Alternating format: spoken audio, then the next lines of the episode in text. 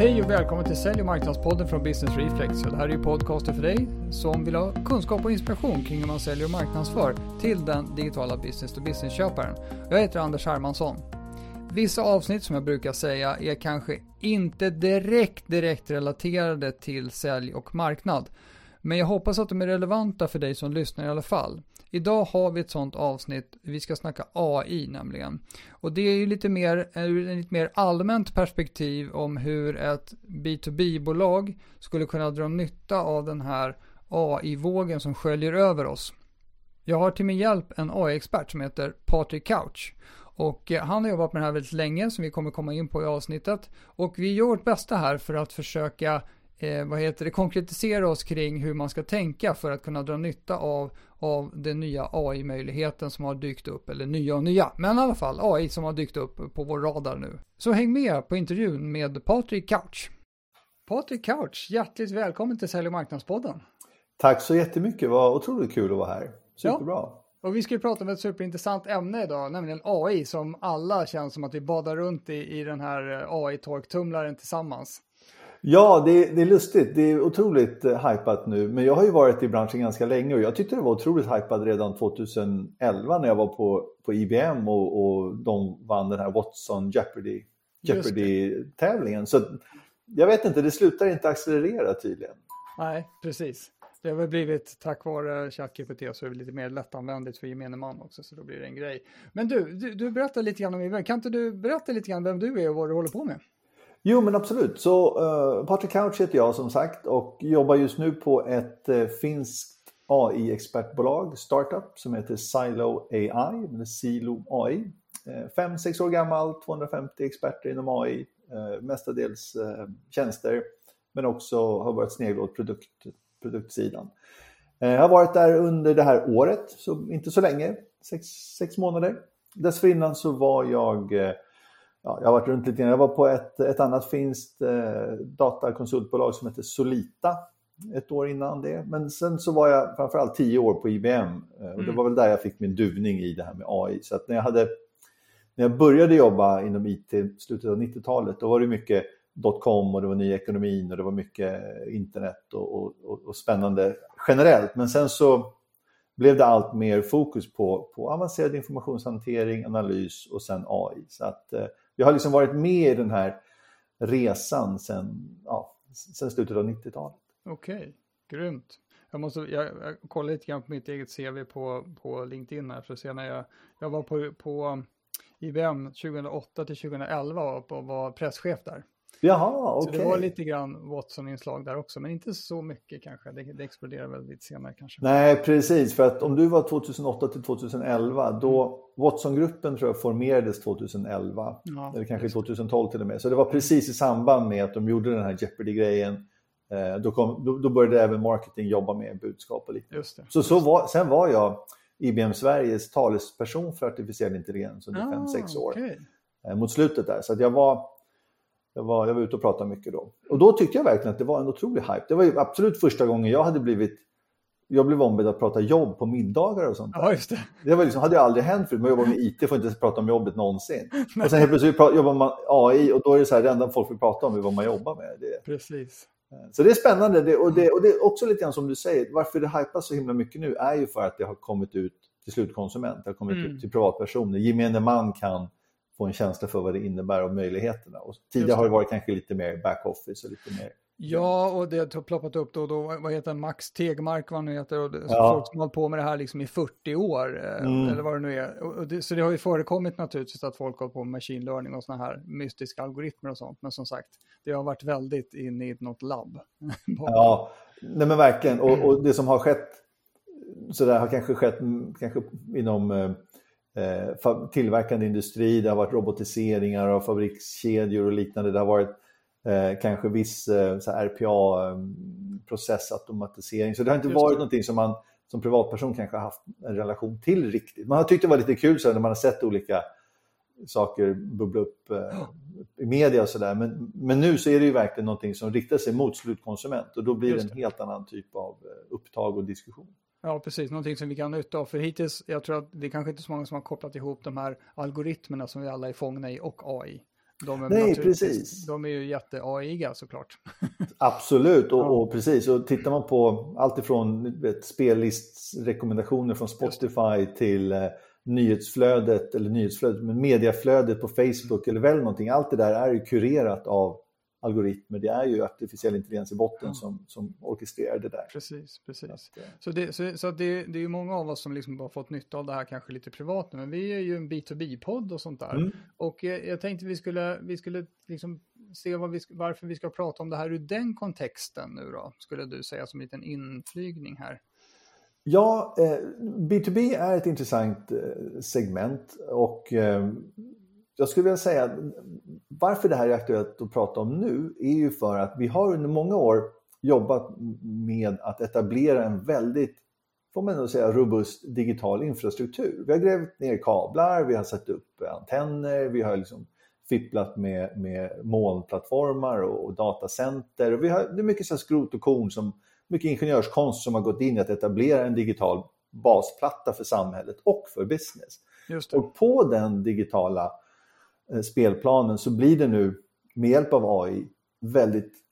Eh, det är mycket som, som, som görs om, eller det är mycket som förändras eh, för att en, på en digital spelplan så är friktionen så låg så förändring kan ske väldigt fort. Eh, mm. det, det, det, liksom, det, det, tar mindre tid och är mindre kostsamt att flytta runt nollor och ettor mm. än det är att flytta runt faktiska varor eller, eller materia ute i, ute i köttrymden. Så, att säga. Så därför är det absolut intressant att tänka på de här olika relationerna mellan olika B2B-partners mm. på den här ja. digitala spelplanen. Ja, Ja, men det är sant. Vi är liksom redo att ta oss an det här med ganska små medel kan man ju säga då. Ja, relativt sett. Mm. ja exakt, exakt. Just därför man tänker sig motsvarigheten i den fysiska världen om vi nu hade upp, kommit någon ny, ja låt oss säga robotisering av, okej okay, då ska vi bygga om hela vår produktionslina med robotar istället. Ja, det är precis. en ganska stor grej. ja, mm. och precis och jag tycker det, det där glömmer folk bort ibland när man pratar eh, hur AI påverkar jobben och hur AI påverkar samhället och liknande. Mm. Eh, det är ju faktiskt så att den här skrot och korn-verkligheten, den fysiska verkligheten, det är ganska mycket strukturkapital investerat i den och den mm. är ganska trög eh, och den har liksom en sorts kostnadsmassa, en kostnadsdimension som är svårmanipulerad. Mm. Eh, så vi kommer liksom inte se Boston Dynamics Atlas-robotar eller Spot-robotar springa omkring och ta hand om sophämtningen i Vasastan till exempel. Ja, det. Det, inte, det, finns inget incitament för det. Att, att robotarna skulle säkert med viss ansträngning kunna lära sig att hantera de här sekelskiftshusen i innerstan och springa omkring upp och ner i trappor och hålla på och fippla. Men det finns ingen idé, det finns ingen ekonomi i det. Nej, det Däremot att titta på, titta på de här informationskunskapsstinna jobben, där är det väldigt intressant att tänka mm. sig automatisering, optimering och liknande. Så finansiell handel, eh, försäkringshandläggning, eh, kundtjänst, you name it. Allt det som är informationstungt är mycket mer liksom in scope för en sorts transformation. Och det är ju det här B2B-landskapet i mångt och mycket. Ja, det är sant. Vad heter det, ska, kanske nörda ner sig alls för mycket, men vad, vad, finns det för olika typer av AI som om, om man ska liksom försöka gräva sig ner lite grann i alla fall? Igen. Ja, precis. Eh, för det första så finns det nog ingen konsensus kring hur man skulle definiera artificiell intelligens nummer ett. Det finns en väldig massa olika definitioner eh, och när jag är ute och pratar så brukar jag ibland ta fram en, en, en artikel som skrevs 2019 eh, där en kille spenderade ungefär 30-40 sidor med att försöka definiera artificiell Oj. intelligens och så slutar det med att han kommer med ytterligare en definition. Så det är liksom, så, så, så, så, är det, man måste ha det superbrett. Och det har gjort att jag själv har liksom hittat på min egen definition av AI som är superbred, som, som gör det möjligt för mig sen att prata om massa olika aspekter som jag tycker är relevanta. Så jag brukar prata mm. om artificiell intelligens som intelligens utan biologi. Mm. Det är liksom det det landar för mig. Och då får jag alltid tillbaka och säga, ja, men det hjälper oss inte. Liksom. Vad är intelligens då, smarte Petter? Och så blir jag tvungen att definiera det. Och det kan jag inte riktigt göra, men däremot så finns det ju aspekter av intelligens eller aspekter av beteende som man skulle associera med intelligens. Inlärning, eh, till exempel, eh, mm. interaktivitet, eh, kontextuell förståelse, för, förmåga att resonera och liknande. Så det är väl det ena. Så det, för det första vill jag bara säga att det är ett väldigt stort och brett och odefinierat begrepp. Ja. Men sen brukar man däremot inom den här stora fluffiga AI begreppsförvirringen så brukar man kanske lyfta fram skillnaden mellan kanske machine learning, maskininlärning, eh, deep learning, kanske man brukar titta på reinforcement learning och det finns numera brukar man väldigt mycket prata om generativ AI.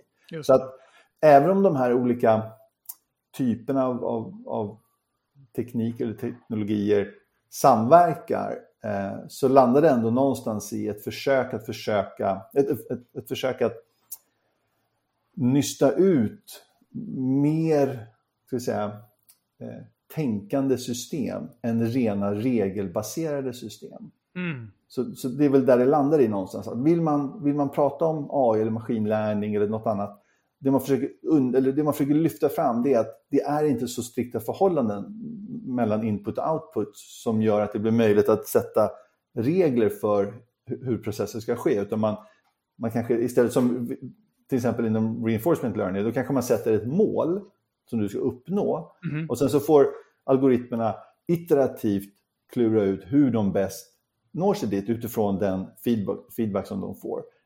Och då har man liksom ingen regel, det är inte så att så när, när ett, ett väldigt känt exempel numera är kanske när Google spelade, Alf, spelade Go Just med det. Lise Dahl. Ja. Då använde de sig av en reinforcement learning-mekanism. Mm. Och då fick, då fick de i princip algoritmerna, de, de, de, de fick regelboken och sa okay, så här spelar man Go. Här är det du får göra, här är det du inte får göra. Och sen så har du ditt mål, det är att du ska vinna. Mm. Och så får du klura ut det själv. Ja. Och så genom, genom iteration och beräkning så kunde de till slut väldigt förtjänstfullt lyckas med det. Just det.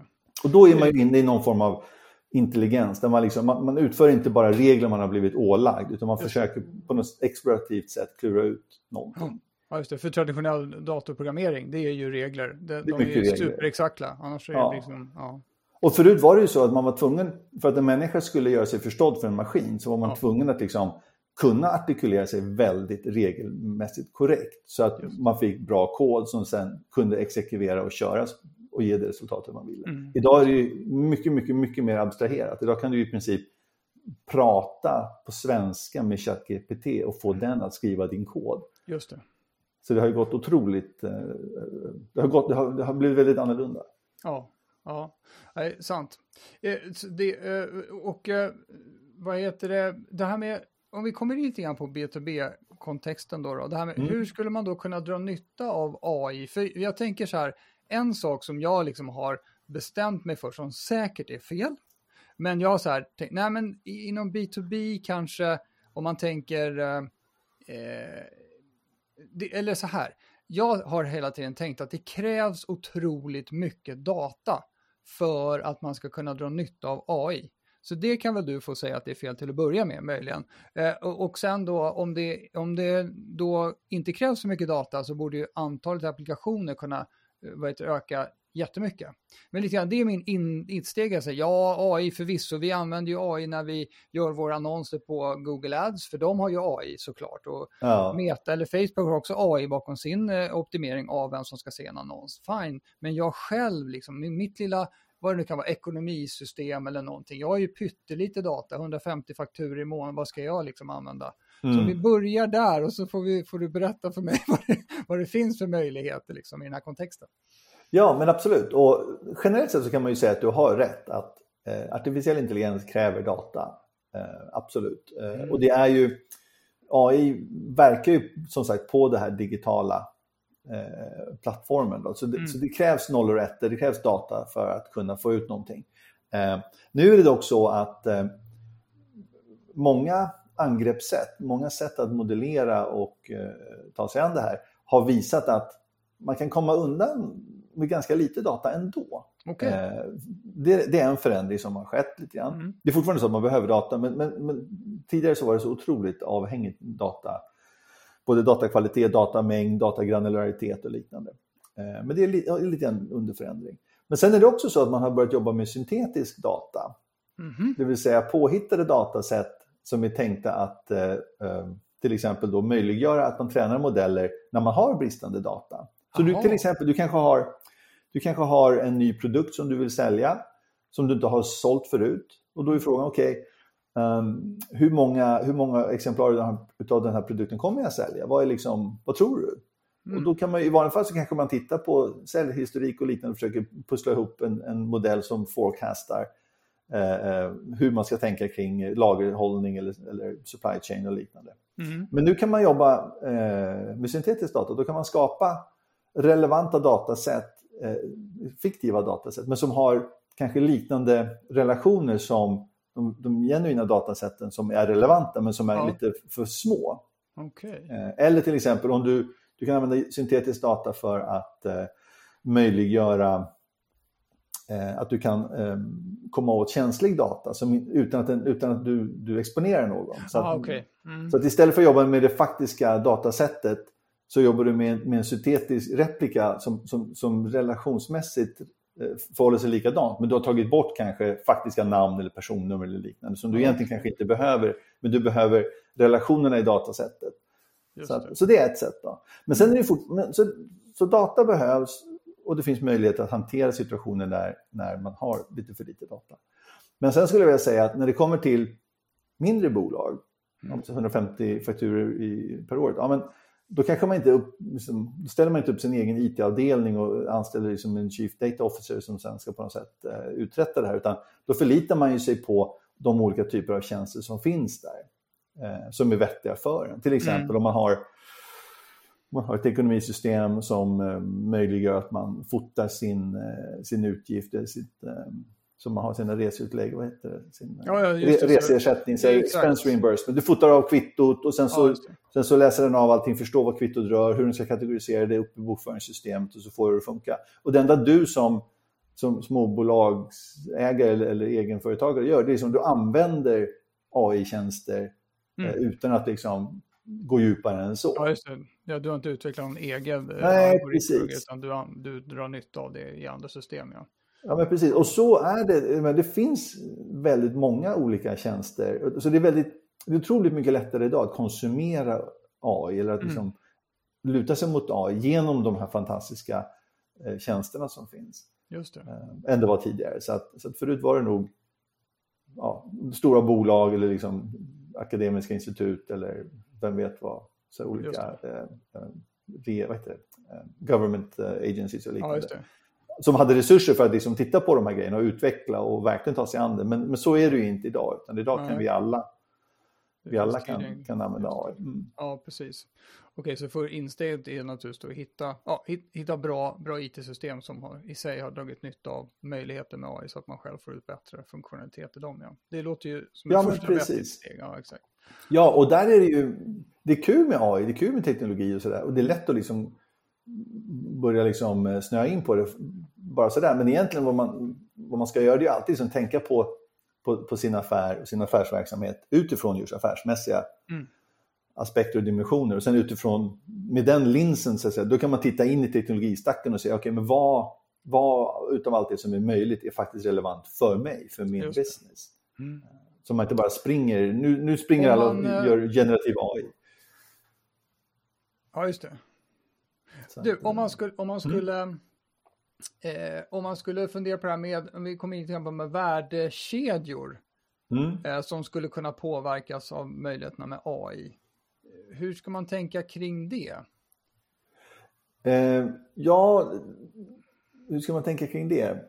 Jag tänker ju mig värdekedjor som eh, en, liksom en, en komplex eh, eh, eh relationsdynamik på något sätt. Mm. Att det, det finns olika, finns olika eh, vad ska man säga, entiteter eller eh, organisationer i en, som har relationer med varandra och över, genom de här relationerna så får man den här värdekedjan, så får man den här slutprodukten eller det här värdeskapande liksom, slutmålet. Så att när jag tänker på den typen av liksom, dynamik inom värdekedjan, då handlar det mycket om att möjliggöra och effektivisera transformation, äh, inte, överföring av information, kommunikation yeah. i princip. Okay. Yeah. Så att om du, om du kan tänka dig en, um, en lågfriktionsmiljö där gränssnitten mellan de olika aktörerna är så, genom, så väl uttänkta som möjligt så att mm. den informationen som behövs för att det här gemensamma slutmålet ska uppnås flödar friast. Det är så man ska tänka. Mm. Och där tror jag AI kan hjälpa till att skapa den här, man har ju pratat om den här transparenta värdekedjan superlänge och man vill ha liksom man vill ha en line of sight eh, genom hela datastacken oavsett eh, var någonstans i den här relationen man befinner sig eller var ja. i den här kedjan man befinner sig.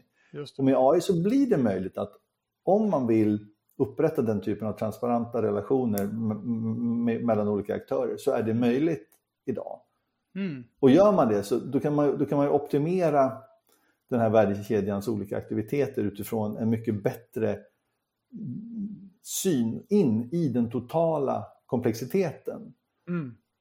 Så att... Eh, Okej, så, så, en värdekedja kan ju bestå då av uh, naturligtvis tjänstesamarbete, men, men oftast tänker man väl på det som, som någon form av produktflöde, att muttrar och skruvar till slut och massa grejer blir en bil. Ja, men precis.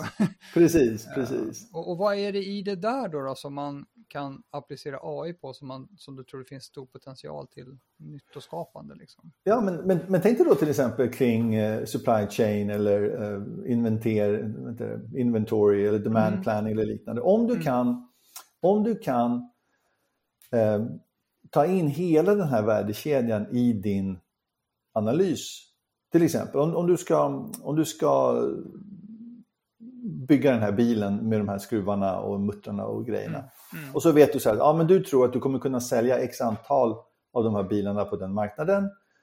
Eh, men det kräver sen, okej okay, vad är det för inbound behov, vad har jag för supplier behov, vad har jag för liksom, hur ska det här, om jag, om jag ska stå för själva ihopsättningen låt oss säga. Ja, så alla de inkommande komponenterna måste liksom flöda till mig för att det här ska funka. Och för att min assembly ska funka så bra som möjligt så vill jag ju ha liksom rätt delar tillgängliga vid rätt tillfälle. Ja. Utan att behöva själv stacka på mig med massa lager. Utan jag vill, liksom, mm. jag vill ha så, vill så lite liksom stående, stående grejer som möjligt. Du vill bara kunna säga right in time, då vill du sätta ihop bilen och du vill skeppa den.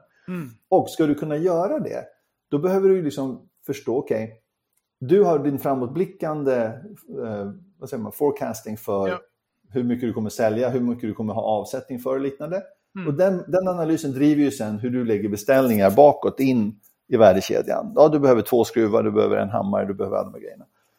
Och när du sen ska göra det, om det är någonting bakåt i det här ledet eh, mm. inom värdekedjan som gör att du kommer inte få det. Det kommer inte finnas någon. Det, det, en båt har fastnat i Suezkanalen eller det, det är vattnet stiger i Thailand eller någon, det är någon strejk i någon fabrik som gör någonting som du behöver.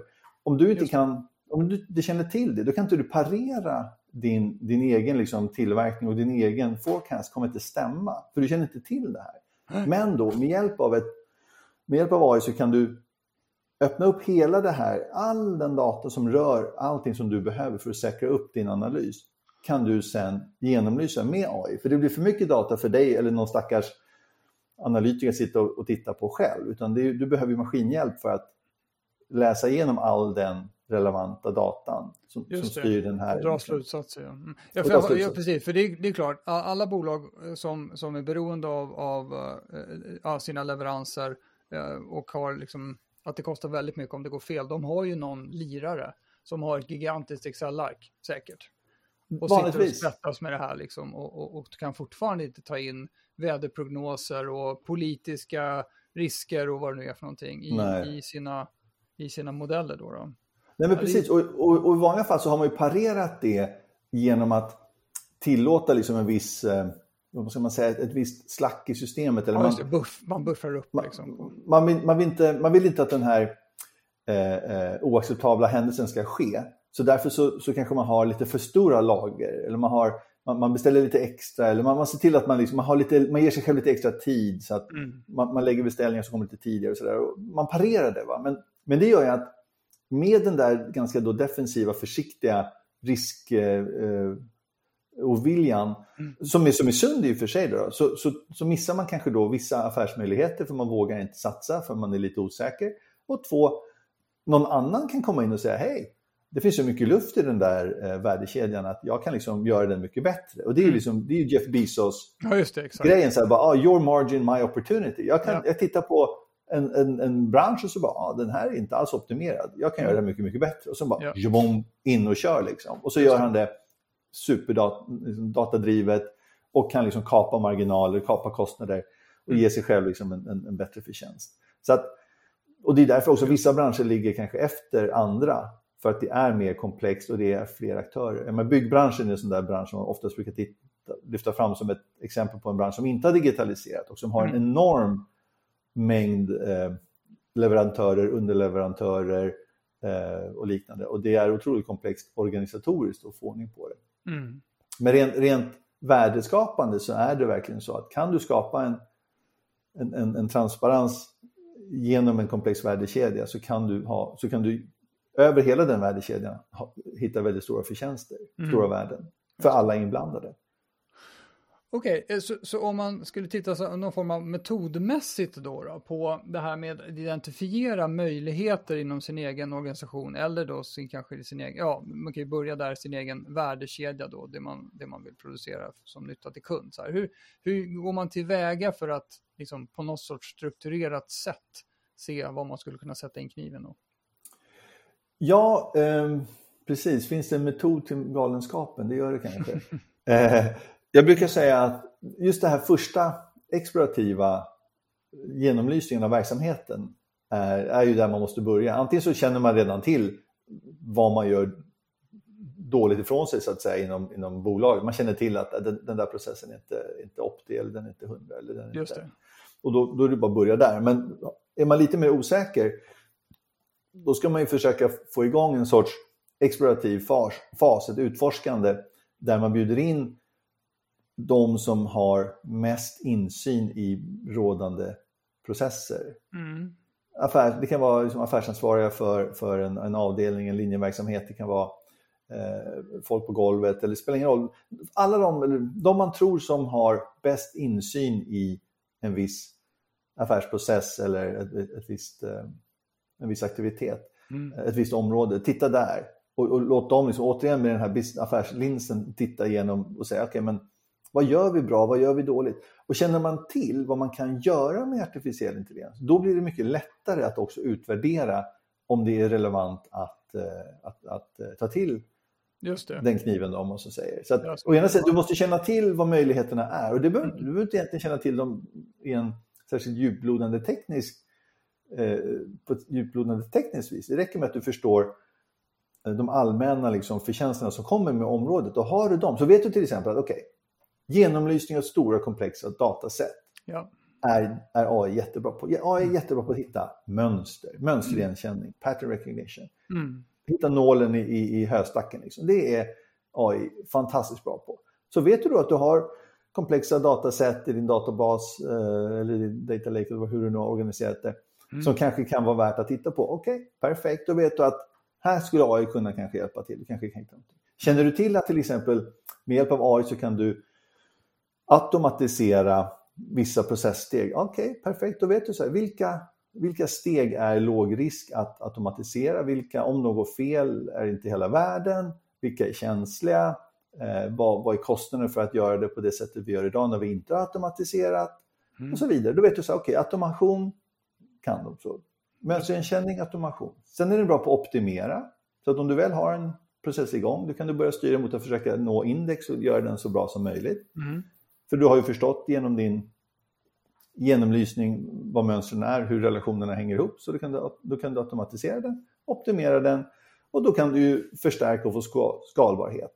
Eh, så du måste känna till de här allmänna förmågorna som, som AI liksom besitter. Ja, och sen, sen med dem i bagaget, då kan du gå in och titta på din egen verksamhet och säga okej. Okay. Mm. Och det kan man ju naturligtvis göra under kontrollerade former genom workshops och liknande. Man kan mm. teama upp med konsultbolag och, och annat som kan hålla en i handen och sådär. Så, mm. Det finns Just alla möjligheter. Och då blir det den, den, de lägst hängande frukterna ur det här perspektivet är ju de ställen där vi liksom redan samlar in data och har digitala liksom assets. Ja, precis. Det är verkligen så att de, de, de lågt hängande digitala frukterna är de som du har data mm. rörande. De är inte eh, eh high risk, de är inte eh, superkänsliga nödvändigtvis. Mm. De är kanske kostsamma att Eh, att, ha igång idag på det sättet som man har det idag. Mm. Och, och de är tekniskt, om du sen då tar in en expert som tittar på det, de är tekniskt eh, eh möjliga att lösa utan alltför stor kostnad. För vissa, mm. vissa problem är kostsamma att lösa och återigen här med Atlas-robotarna, det kanske inte alltid är ett business case i botten. Så du måste ju vara villig att, att, att komma med liksom, ja, ett, ett, du, måste, du måste mm, värdera eh, värdet eller uppskatta värdet av, av, den här förändringen som du tänker dig. Mm, eh, så att du, bara för att det är möjligt att göra det på ett visst sätt så kanske inte business case rättfärdigar det. Och det behöver du också ha koll på. Så om du sen ska ta det till, till styrelsen eller, eller utföra det så, så gör du rätt. Just det. Ja, precis, för då, då, blir det, vi har en digital information här om det här, det skulle vi kunna liksom hjälpa, hjälp, få hjälp att dra bättre slutsatser från. Och sen så blir då nästa steg naturligtvis, okej okay, här har vi, här har vi liksom en, en, säga, en digital lucka. Vi borde sätta mm. upp någonting som räknar antalet lastbilar som åker ut och in, så vi får in det i någon sorts databas och så kan vi börja mecka med det. Liksom. Ja men precis, exakt. Mm. Och digitalisering brukar man ju ibland skilja från digitisering. Eh, där man försöker säga att digitalisering, ja det är den transformativa förändringen som kommer med en digital eh, eh världsordning. Men mm. digitiseringen, det är bara att digitalisera något som tidigare inte är digitalt. Till exempel om du inte har en, en KPI på antalet lastbilar som åkt förbi. Okej, då sätter du upp en sensor så börjar den räkna och helt plötsligt så har du en sorts rudimentär digital tvilling över frekvensen lastbilar. Och nu är den helt plötsligt digital, nu kan du använda den datapunkten. Och, och, överlag så har vi ju digitiserat samhället ganska ordentligt. Ja, vi har ju liksom alltifrån våra, våra patientjournaler som, som när vi är patienter i vården mm. till eh, våra ID-handlingar när vi ska logga in på banken och allt det där. Det, det, det är ju otroligt mycket som är digitalt redan. Ja. Men det kan absolut vara så att man inte, någon, någon, någon kritisk eh, inkommande datapunkt inte finns. Mm. Ja, då behöver man hitta ett sätt att parera det. Mm. Du, din erfarenhet kring det här med när man nu ska, om man nu ska initiera sådana här, eh, vad heter det, projekt eh, och eh, finns det eh, givet att just AI har blivit någonting som vi bekymrar oss över ska ta över jorden och för, förstöra oss liksom. Har, har, har det här, och sen finns det en, en allmän, kan man väl säga, återhållsamhet inom en, inom en organisation man är ju inte super, super pigg på att hitta på något som ersätter en själv, kanske. Eh, och gör en själv obsolet då, då, om man inte är Nej. jättesäker på att man kan få bli chef över det där. Som man, men, men eh, vad ser du, vad, vad din erfarenhet av vad det finns för spärrar kring sådana här eh, projekt och initiativ som man liksom behöver ta hänsyn till på humana planet? Ja, ja men, som i alla förändrings eh, projekt så, så är det ju till slut personer som man behöver eh, få med sig. Mm. Eh, oavsett, oavsett om det är beslutsfattaren, budget, eh, den budgetansvarige eller personer som blir, blir påverkade av förändringen eller som blir ombedd att jobba på ett annat sätt. Så, så, så är det ju absolut, du har helt rätt. Man måste, man måste ha den här fokuset på, på individen, kollegan, eh, de anställda, cheferna, styrelseordförande, mm. vem du än är, liksom, och mm. ha, ha det i åtanke. Eh, annars, så, annars så kommer man inte vidare. Men samtidigt så är det så att det finns oftast, eller så här, man backar bandet säger så här. Det är olyckligt att prata om att AI ska ta bort, ska trolla bort jobben. Mm. Att du blir av med ditt jobb. För att det är väldigt få idag som har ett jobb som är så väldefinierat att allt inom det jobbet eh, kan, kan liksom trollas bort. Däremot så kan man tänka sig att olika sysslor, olika arbetsuppgifter, olika saker som du gör i, i din arbete, det, det, kan man, det kan man trolla bort. Och ofta så är det så att trollar man bort jobb eller sysslor som är dull, dirty, dangerous, då är det ingen mm. som blir ledsen. Då blir alla glada. Alla tycker det är toppen. Eh, jag brukar prata om det här med eh, kassörskan på ICA som sitter och lyfter varor med en kod över en scanner som läser av koden och sen så och, och det, den, det, den arbetssysslan är ju inte särskilt ergonomiskt attraktiv. Nej. Man kan få förslitningsskador om man sitter där för länge, man måste rotera. Eh, det är inte kanske superkul att liksom sitta och blippa varor. Så, så, kan man automatisera den sysslan och, och, och liksom säga hej, du kommer inte behöva göra det längre. Då kommer du få med dig folk på den förändringsresan om du samtidigt kan förklara vad som kommer istället. Mm.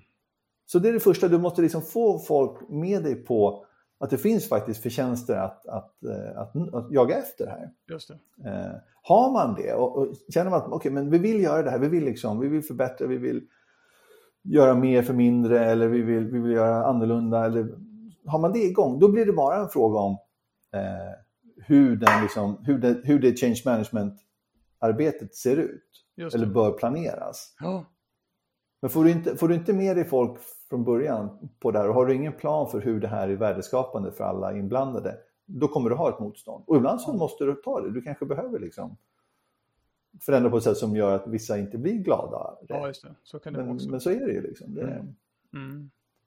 Um, är det någonting som du tänker att skulle det skilja sig på något sätt, en, en förändringsprocess som man driver med ett, låt oss säga det närliggande, ett, man ska säga ett vanligt IT-projekt, nu ska vi införa ERP-system här, eller, eller, eller ett projekt som har AI-fokus? Är det någonting som skiljer sig signifikant mellan det, de där typerna? Eh, nej, det skulle jag inte säga spontant. Eh, man kan väl säga så här också att um, för att AI ska bli en genuin del av din business och vara en värdebidragande faktor, då behöver du ha ett långsiktigt engagemang i området och du måste förstå att det är inte några quick fixes eller silver bullets här, utan det här är ett, ett, ett annorlunda sätt att jobba som kommer liksom förändra många aspekter över lång tid. Mm. Eh, så på så vis är det ju lite grann som att likna vid ERP-systems implementation. De kan ju pågå hur många år som helst. Ja. Eh, men, men de, ofta så har ju de dock en sorts idé om att de ska nå någon form av slutmål. Där är det, nu är det liksom lanserat i alla länder, nu är det klart, nu gör vi på det här sättet. Dag ett. Liksom. Ja. Men med AI så är det inte riktigt så. Att, utan ofta så vill man ju ha en kontinuerlig så att säga, förändring av verksamheten. Man vill ha en kontinuerlig utveckling, kontinuerlig deployment, en kontinuerlig mm. operativ eh, handhavande av de här systemen. Eh, så, så det tar liksom aldrig slut. Eh, riktigt. Nej, för jag tänker, ska man, ska man se AI som då en ny smart medarbetare som på något sätt kan hjälpa till mer och mer över tid, bara man bjuder in på något sätt. Ja, så kommer det nog bli. Jag menar, det finns ju en, en, en väldigt stark tendens att förmänskliga Ja, exakt. Vår teknologi. Mm. Det, det, är mänskligt och det, det, det, är bara så vi människor fungerar. Det, är därför vi kan knyta an till, vi kan gråta när vi tittar på en film för det är så sorgligt och egentligen så händer inte det här, det är bara hittepå. Liksom. Ja. vi sitter ändå och gråter, det är bara ett emotionellt påslag. Ja. Så vår hjärna fungerar ju så att, att vi skapar och vi ser, du vet, jag glömmer bort vad ordet heter nu, men det finns ju det här fenomenet när man ser typ människoansikten i naturen. Man kan se liksom en blomma eller man ser en stubbe och så, så hjärnan bygger ihop det till ett ansikte. Så att, eh, det är inte det att det finns ett ansikte, det är ingen dödskalle, det är inte det det är. Liksom. Men, men, men hjärnan bygger så. Och så är det med, med de här teknologierna också när, när, när man ser Boston Dynamics spot-robot, då ser nog de flesta människor en hund. Mm, och sen ser man att ah, det är en robothund. Oh, så när folk liksom sparkar den där i sidan och den ska lära sig att parera och hitta balans och så, här, så då hugger det till lite ja, i exakt. kroppen. Det är jobbigt. Ja. Eller man ser, jag vet inte om du såg, det var en, liten, det var en video med, med små robotar som spelar fotboll och utveck, eller de testade en sorts ny uh, deep uh, reinforcement learning uh, mm. tillvägagångssätt för att träna de här. Och då puttade de till dem hela tiden och varje gång de fick en putt så så trillade de åt sidan och så kom de upp igen och skulle sparka vidare bollen. Men det känns lite så här, så där gör man, det är taskigt Nej. att göra sådär. Ja. Men det, det, det, är liksom, det är ingen som skulle säga så om, eh, om ERP-systemet. Liksom, att Nej, Men du får inte säga sådär till ERP-systemet, du kan bli ledsen. Exakt. Så att, och det gör ju att när man tänker på AI som den här medarbetaren, mm.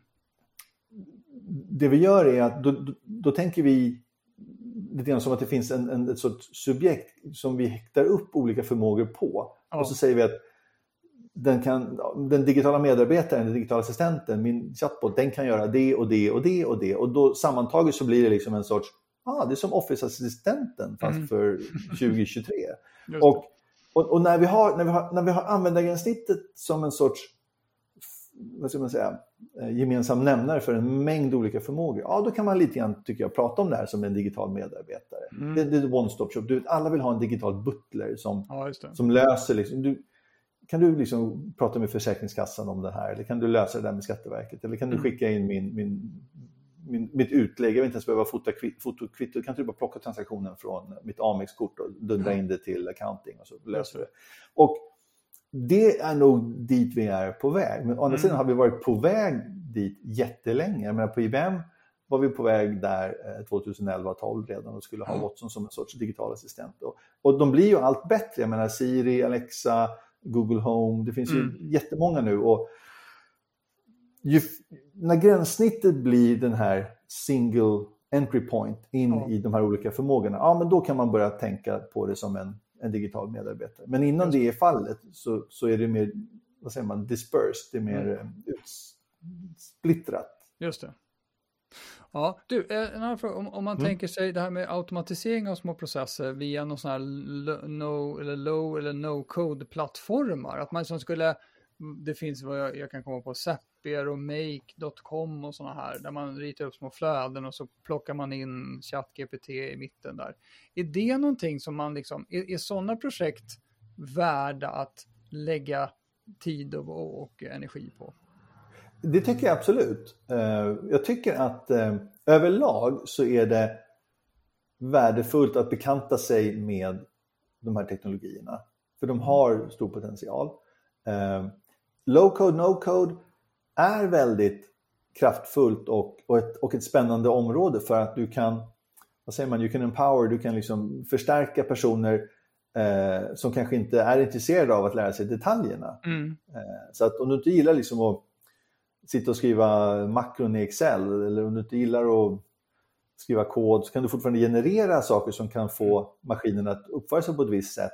Eh, bara genom att prata eller konversera eh, eller dra flöden eh, Mm. eh, med, med ChatGPT. Och det tycker jag är, är absolut ett, ett, ett, spännande område. Däremot så är det så att ju, ju mer vi abstraherar oss från den, den faktiska liksom exekveringen av instruktionerna till, till maskinerna så tappar vi lite grann kontrollen också. Mm. Eh, Så att jag till exempel som, jag har inte kodat på urlänge, men jag skulle absolut föredra att sitta i ett grafiskt gränssnitt och dra ihop eh, liksom, som en, på en palett och sen skapa liksom, mina modeller. Och, och egentligen så vill jag bara att det ska funka där. Jag vill inte ens titta under huven. Liksom.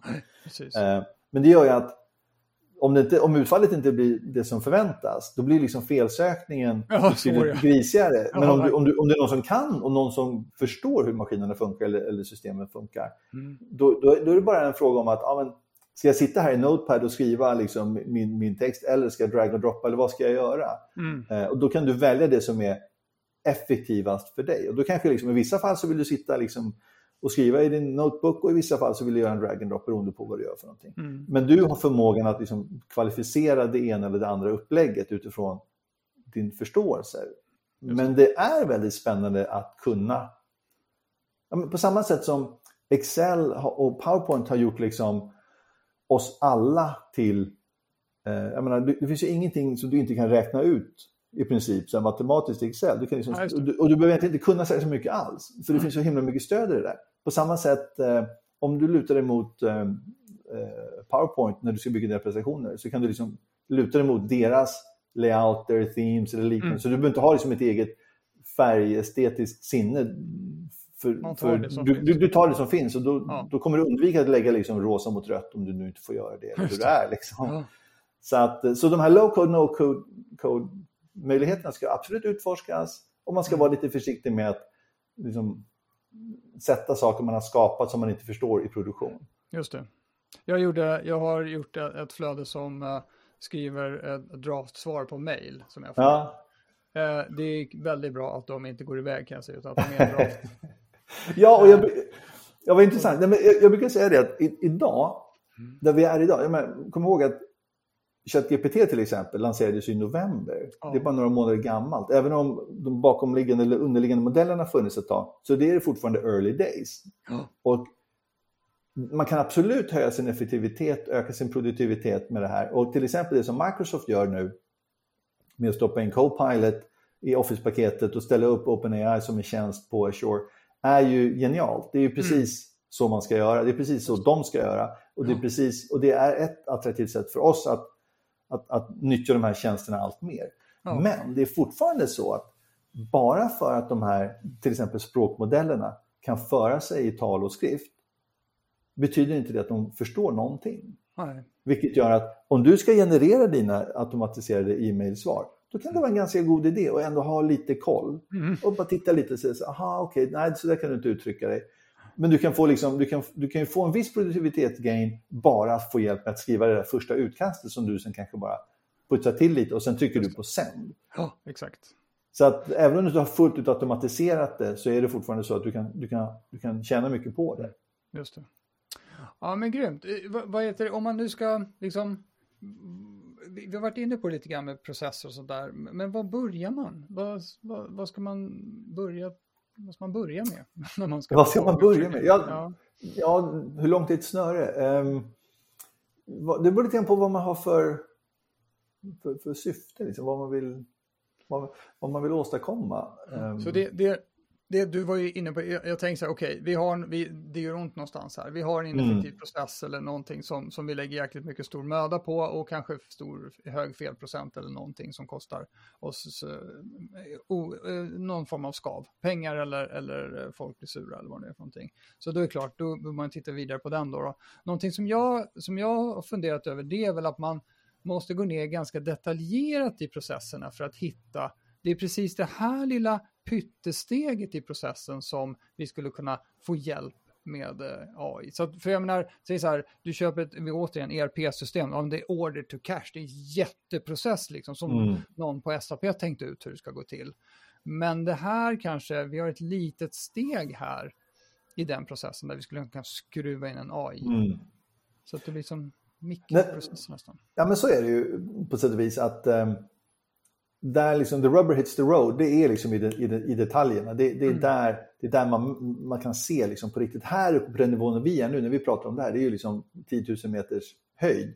Ja. Eh, men ska du faktiskt sen då eh, förändra din verksamhet, eh, då behöver du hitta liksom konkreta, faktiska, operation, vad säger man? operationella, ja, operationella mm. Eh, ehm, eh, förändringar. Så, som, ja. som du kan se, så, okay, jag, jag, kan, jag kan göra om det här och jag kan sätta det i produktion och sen så kan det leva i produktion som en ny, ett nytt sätt att utföra det här på. Mm. Och så måste jag ha min, min, min DevOps eller min MLOps eh, hand där och förändra mitt sätt att liksom bevaka saker och ting på. Men, men eh, om, du inte kan, om du inte kan förklara för dig själv det operativa eh, mm. den operativa förtjänsten så att säga. Mm. Ja, då, då, då, är du liksom fel ute. Då, inte, då måste du hitta något annat.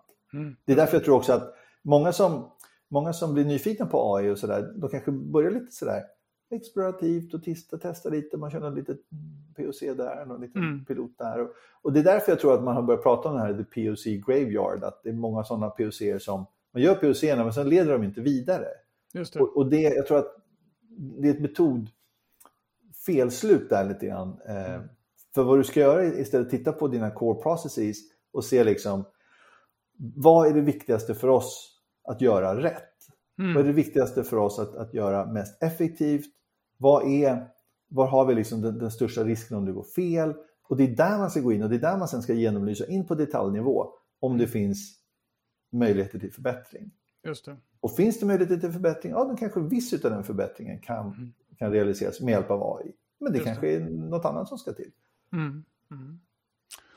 Ja men grymt. Eh, tack snälla Patrik för att du delar med dig. Det känns som att du kan massor om det här och, eh, och det, det, man ser många som babblar om det nu. Alla har blivit AI-experter plötsligt. Det känns som att du har hållit på med det länge nog för att faktiskt kunna vara det. Så att, eh, eh hur, hur ja. får folk kontakt med dig om de skulle vilja snacka mer om det här?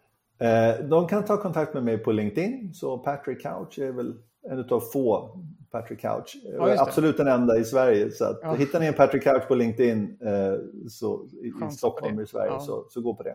Annars så eh, är det bara eh, e-maila mig på patrick.couch.silo.ai.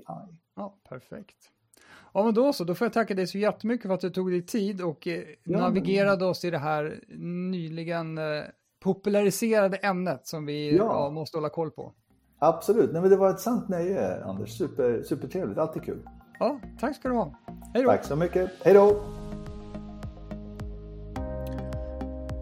Ja, det var allt vi hade att bjuda på för den här gången från Sälj och marknadspodden. Hoppas du tyckte att avsnittet med Patrik var intressant och inspirerande. Det är ju ett väldigt intressant område som har exploderat som vi har sagt så många gånger under avsnittet.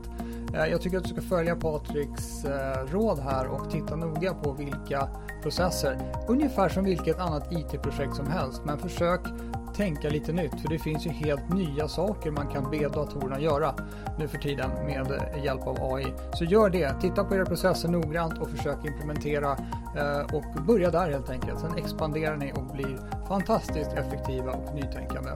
Men vad ni än gör där ute så ska ni vara relevanta. Hej då!